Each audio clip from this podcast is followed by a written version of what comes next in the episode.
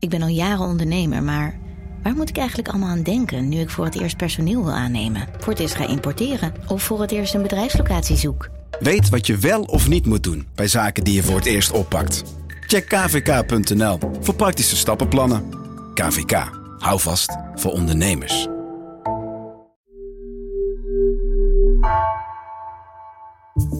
Vanaf de redactie van NRC het verhaal van vandaag. Mijn naam is Floor Boon.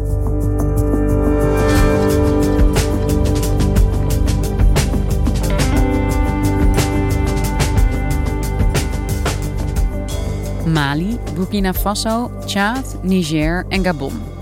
Het ene na het andere West-Afrikaanse land keert zich tegen oud-kolonisator Frankrijk.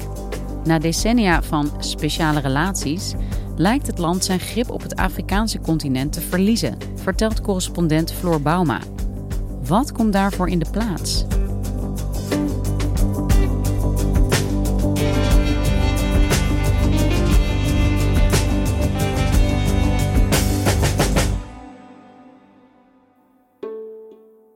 De afgelopen jaren is het ontzettend onrustig in West-Afrika. Om de paar maanden zag je dat er staatsgrepen plaatsvonden, waarbij militairen de in principe uh, democratisch verkozen leiders uh, van de troon stoten. Ze vonden er twee plaats in Mali. The UN has condemned a military coup in Mali and called for the immediate release of several of the African nation's top-ranking officials. Er was een staatsgreep in Burkina Faso. It's Burkina Faso's second coup in just nine months. In Chad. Chad's main opposition parties say the army's appointment of Mohamed Debi as the nation's new leader is an institutional coup. Vorige maand in Niger. Het lijkt de militaire koeplegers in Niger gelukt om de macht te grijpen. En afgelopen week ook nog Gabon. Senior members of the military have appeared on television saying they're now in control of the oil-rich Central African country. Wat je ziet bij deze staatsgrepen in Sub-Sahara-Afrika is het eigenlijk. Wat die gemeen hebben is het anti-Franse sentiment dat steeds weer terugkomt. Het zijn allemaal oud-koloniën van Frankrijk. En bij de staatsgrepen zie je steeds weer dat er een soort woede is tegen Frankrijk, dus tegen die oud-kolonisator. Uh, en heel concreet zie je dat in dat uh, rond de staatsgrepen altijd protesten uh, worden gehouden, vaak bij de Franse ambassades. Je ziet dat Franse vlaggen daarbij in brand worden gestoken. Nou, en op die manier is echt heel duidelijk dat de woede niet alleen gericht is tegen dus de presidenten die steeds worden afgezet, maar ook echt tegen de, de oud-kolonisator.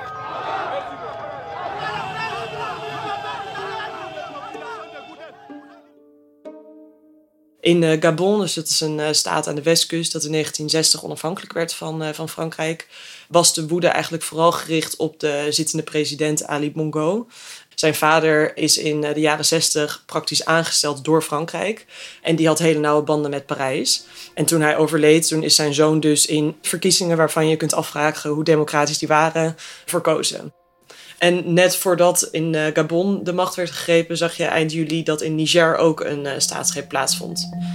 De zittende president van Niger, president Bazoum, dat was ook echt een, een goede vriend van Parijs. En daar was het anti-Franse sentiment was echt overal. Een heel tekenend moment was eigenlijk uh, in het stadion in de hoofdstad Niamey. Een paar dagen na de coup.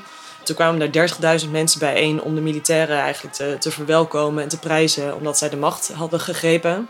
En daarbij werd een haan die geschilderd was in de drie kleuren van de, van de Franse vlag, werd voor dat publiek onthoofd en, dat, en het hoofd werd zo het publiek ingegooid. En onderwijl werd gezongen of gescandeerd Abat la France, dus uh, weg met Frankrijk.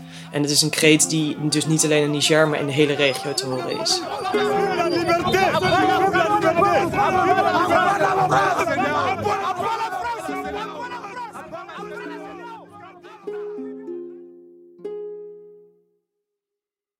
Maar je hebt het tegelijkertijd ook over landen die al sinds 1960 onafhankelijk zijn, hè, in ieder geval op schrift van Frankrijk. Hoe komt het ineens dat ze zo roepen dat ze van Frankrijk af willen? Ja, dat is een goede vraag. Uh, ik denk omdat anti, echt dat anti-Franse sentimenten begrijpen, moet je terug naar de jaren na de Tweede Wereldoorlog. Zoals je zei, uh, in 1960 werden alle Franse koloniën in Afrika onafhankelijk. Maar toen zag je eigenlijk meteen al dat Frankrijk die wilde wel onafhankelijkheid verschaffen, maar het wilde ook een rol blijven spelen. Dat had er alles mee te maken dat het land ook gewoon blut was. Het was kapot door de oorlog en het had uh, economisch gezien de oud-kolonie nog steeds nodig. Dus uh, ging president Charles de Gaulle op zoek naar een nieuw soort verband met die oud-koloniën. En toen stelde hij uh, meneer uh, Jacques Faucard aan in 1960 als zijn Afrika-adviseur. En hij werd de architect van wat dus later Frans-Afrique zou gaan heten. En hij was in de decennia die na de 1960 kwamen, was hij bijvoorbeeld verantwoordelijk voor echt tientallen geheime operaties. Waarbij de Afrikaanse leiders die Frankrijk gezind waren in het zadel geholpen werden. En onwelgevallige leiders in de ogen van Parijs dan, die werden juist gewipt. Ja, dus Frankrijk bleef een hele belangrijke rol spelen en bleef zich ervan vergewissen dat zij uh, bepalend bleven voor wie daar aan de macht zat in die landen. Ja, absoluut. En het was niet alleen uh, de bemoeienis dus met wie, uh, welke poppetjes in welke landen zaten, maar er werd ook een heel nieuw soort neocoloniaal verband uh, geschapen. Foucault die bedacht namelijk een soort van pact. In het stadion van Tananarivo zette de Franse premier voor een menigte van 40.000 mensen zijn bedoelingen uiteen. Hij verklaarde onder meer dat het volk van Madagaskar het recht heeft zich van Frankrijk af te scheiden. Maar hij was ervan overtuigd, zo zei hij, dat het dat niet zou doen. Maar als ze daar niet mee zouden instemmen, dan zou Frankrijk ook meteen de handen ervan aftrekken. En dan zouden ze 100% los worden gelaten na een eeuw van kolonisatie. De generaal legt er daarbij de nadruk op dat de kolonie in geval van afscheiding automatisch elk recht op economische hulp van Frankrijk verspeelt.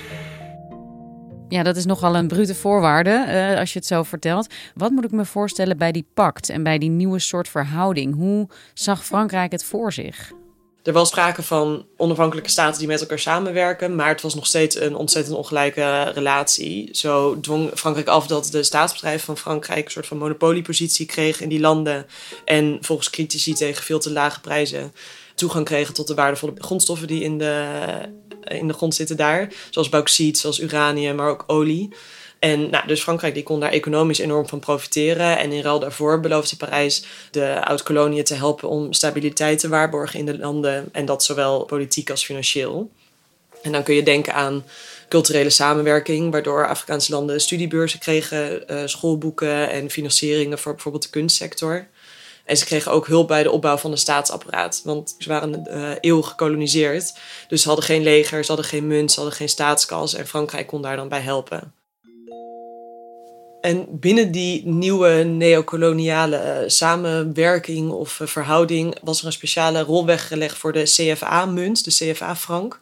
Die munt was er al in de koloniale periode. Toen heet, stond CFA voor Colonie Française d'Afrique, dus de Franse kolonie in Afrika. Maar die werd uh, heel makkelijk omgedoopt tot de Communauté Financière d'Afrique, dus de financiële gemeenschap van Afrika. En de CFA-frank die was gekoppeld aan de Franse frank en later aan de euro. En daarmee relatief stabiel. Dus die bracht stabiliteit in die landen.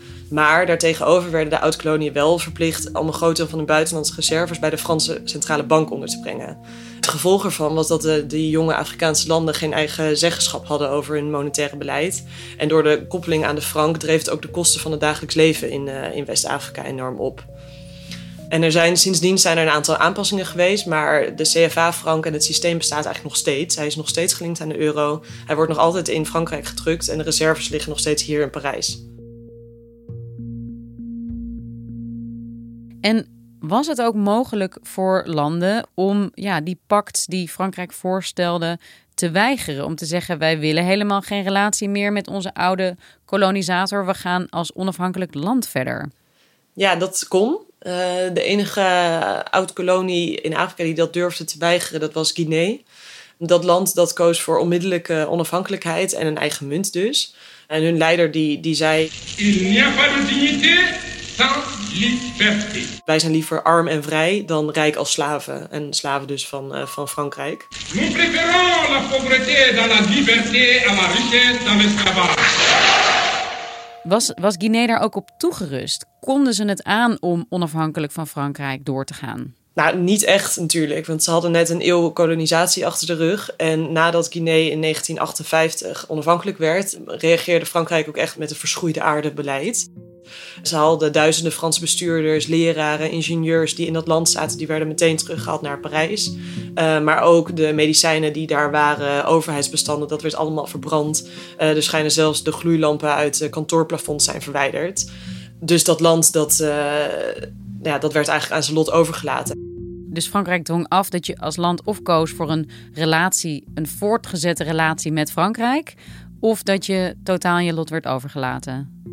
Ja, zo kun je het zeggen. Heel veel keuze was er eigenlijk niet. En hierbij is het wel goed om te bedenken dat veel van de leiders van die jonge Afrikaanse staten, die hadden goede banden met Parijs. Dus in eerste instantie werden die pacts misschien ook niet per se als iets heel negatiefs gezien. En konden zij, die elites in elk geval, er ook wel uh, van profiteren om de banden nauw te houden. Ja, en Floor, je nam ons mee terug in de geschiedenis. Deze pact werden bedacht en gesloten in de jaren 60, in de jaren na de onafhankelijkheid. Hoe kan het dat er pas nu, zoveel jaar later, bijna meer dan 60 jaar later, echt gedoe over ontstaat?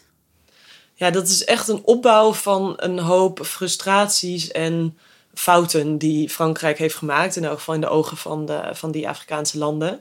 Want met die pact werd een hoop beloofd, maar Frankrijk die heeft die beloftes gewoon niet nagekomen. Niet altijd. En waar, wat voor beloftes heb je het dan over? Nou, in eerste instantie werd er natuurlijk onafhankelijkheid beloofd. Maar de vraag is, hoe onafhankelijk ben je in deze nieuwe neocoloniale verhouding? En wat ook voor veel frustratie zorgde, was hoe er met de CFA-frank werd omgegaan. Er was dus een stabiele munt beloofd en die kregen ze. Maar in de jaren negentig, toen werd onder druk van het IMF, werd de waarde van die CFA ineens in één klap gehalveerd. Het IMF die zei namelijk, de munt die is te veel waard voor die arme Afrikaanse landen. Nou, en dat leidde natuurlijk tot enorm uh, koopkrachtverlies in die landen en tot sociale onrust. En dat werd ook echt gezien als een verraad vanuit Frankrijk, want zij hadden die uh, stabiele munt beloofd. Nou, en toen zag je in de jaren daarna, in de jaren negentig, merkte je ook dat de culturele samenwerkingen tussen Frankrijk en de oud-koloniën flink werd afgebouwd. Het ministerie dat verantwoordelijk was voor de relatie met de oud-kolonie werd zelfs helemaal afgeschaft. Ja, het klinkt ook eigenlijk wel onlogisch misschien. Hè? Als je als oude kolonisator zo erg je best doet om banden te onderhouden, om een relatie uh, op te bouwen, dat je dan vervolgens ja, het ministerie dat dat bijvoorbeeld moet overzien, dat je dat dan weer afschaft. Ja, het is heel paradoxaal. Het, is, het gekke is ook, het is nooit echt een bewuste keuze geweest van Frankrijk om te zeggen, weet je, we trekken de stekker eruit. Het is meer in de jaren negentig zag je in Frankrijk, maar ook elders natuurlijk, dat de aandacht ging naar Brussel, naar de opbouw van de Europese Unie, naar de creatie van de euro. Dus de, het, zoeklicht dat verschoof echt daarheen. En met de aandacht en de interesse verschoof ook het geld naar Brussel en dus weg uit de oud-koloniën. En hierbij speelde ook meer dat er meerdere keren uitspraken zijn gedaan door Franse leiders die, nou, die nog steeds eigenlijk nadreunen op het Afrikaanse continent. Zo zei uh, Sarkozy, de toenmalige president, in 2006 bij bezoek uh, in Bamako, de hoofdstad van Mali, zei hij dat Frankrijk Afrika economisch gezien niet meer nodig heeft. En een jaar later zei hij in Dakar bij een toespraak ook nog dat de Afrikaanse mens de geschiedenis niet genoeg is binnengetreden. Le drame de l'Afrique, c'est que l'homme africain n'est pas assez entré dans l'histoire. Nou, en dat soort opmerkingen, waarbij hij praktisch zegt dat het Afrikaanse continent nooit een rol van betekenis heeft gehad, uh, nou, dat wordt echt ervaren als een minachting. Dus Frankrijk zegt, we hebben die landen in Afrika niet meer nodig, economisch gezien. Tegelijkertijd willen ze wel een machtspositie houden en ook uh, macht blijven uitoefenen daar. Dat rijmt toch niet met elkaar? Waarom zou Sarkozy dan zoiets zeggen? Ja, ik denk dat hij in die speeches zich vooral naar zijn, naar zijn eigen rechtskiezers ook wilde opstellen als een, uh, een strenge crimefighter, als een uh, stoere president. Hij veroordeelde in dezelfde speech ook corruptie, ongecontroleerde migratiestromen en dergelijke. En ik denk dat hij ook heel erg wilde onderstrepen dat Frankrijk toen een wereldmacht is of zou moeten zijn.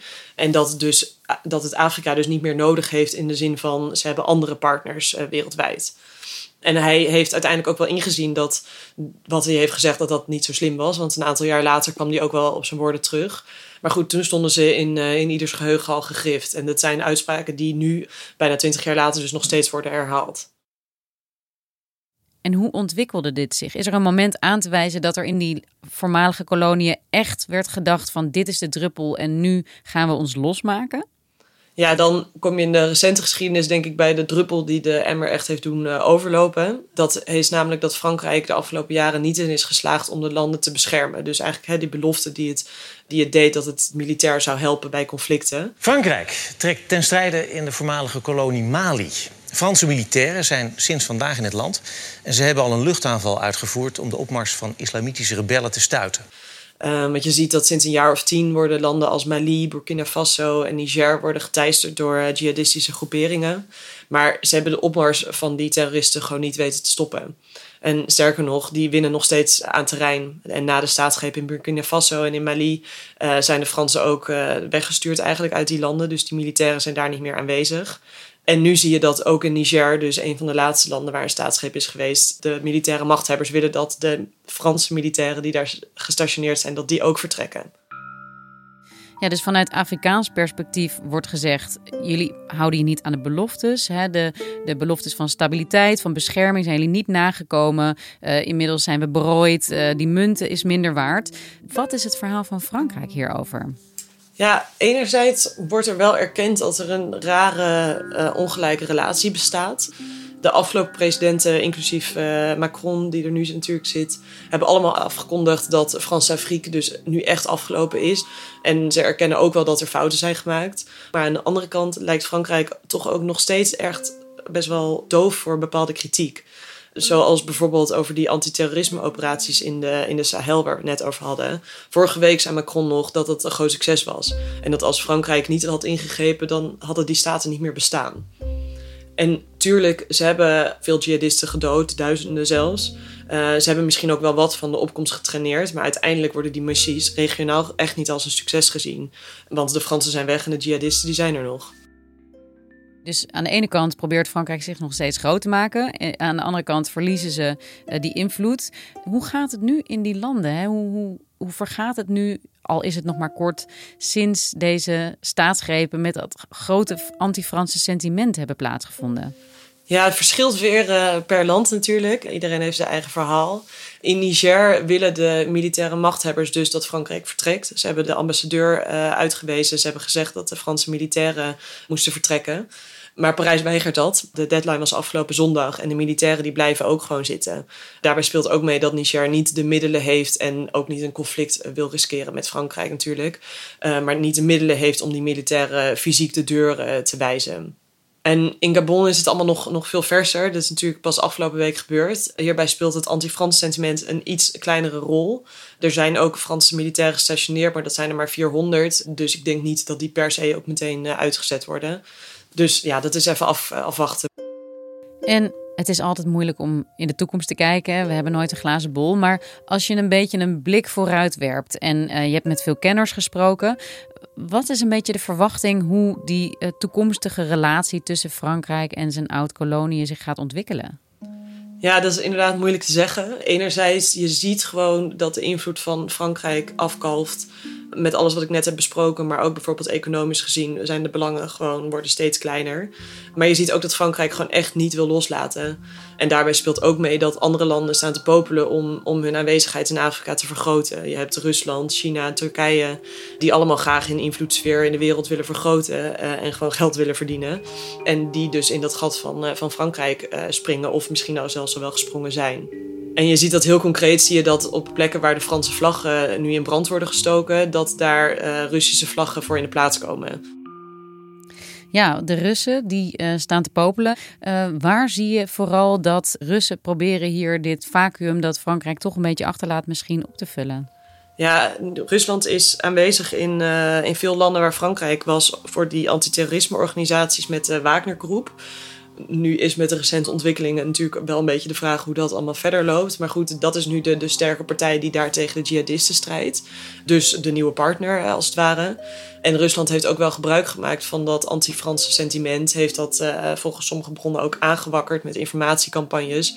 Om het imago van Frankrijk te besmeuren en zichzelf als uh, soort van de nieuwe, stabiele, fijne partner op te werpen. Die, ja, het is een, een nieuwe optie. Ja, want hoe waarschijnlijk is het dat deze landen op korte termijn ja, stevig genoeg zijn om het zelf te doen? Om echt onafhankelijk te kunnen zijn en ook niet meer van Rusland of China of Turkije uh, afhankelijk te hoeven zijn? Dat is een hele goede vraag. Ik uh, weet niet of ik daar een antwoord op kan geven. Je merkt in elk geval wel dat zeker onder de jongere uh, bevolking van deze landen, dat die hoop er wel is dat, dat eigenlijk eindelijk onafhankelijkheid in zicht is. Maar goed, nu zitten de militairen in de presidentiële paleizen. En de vraag is of zij dat, eh, dat kunnen gaan bieden.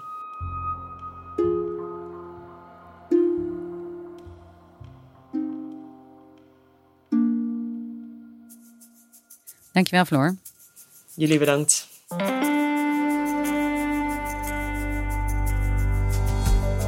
Je luisterde naar vandaag, een podcast van NRC. Eén verhaal, elke dag. Deze aflevering werd gemaakt door Allegria Ioannidis, Tessa Kolen en Ruben Pest.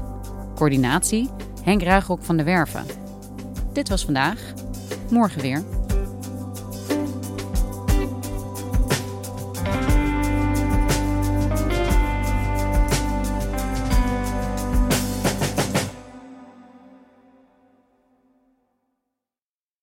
Voorkom dat je vermogen verdampt op je bankrekening. Beleg bij Bridgefund in kortlopende leningen aan Nederlandse MKB'ers. Inleg vanaf 100.000 euro en rendement tot wel 5,25% per jaar. Bridgefund. Make money smile. Let op, u belegt buiten AFM-toezicht. Geen prospectusplicht voor deze activiteit.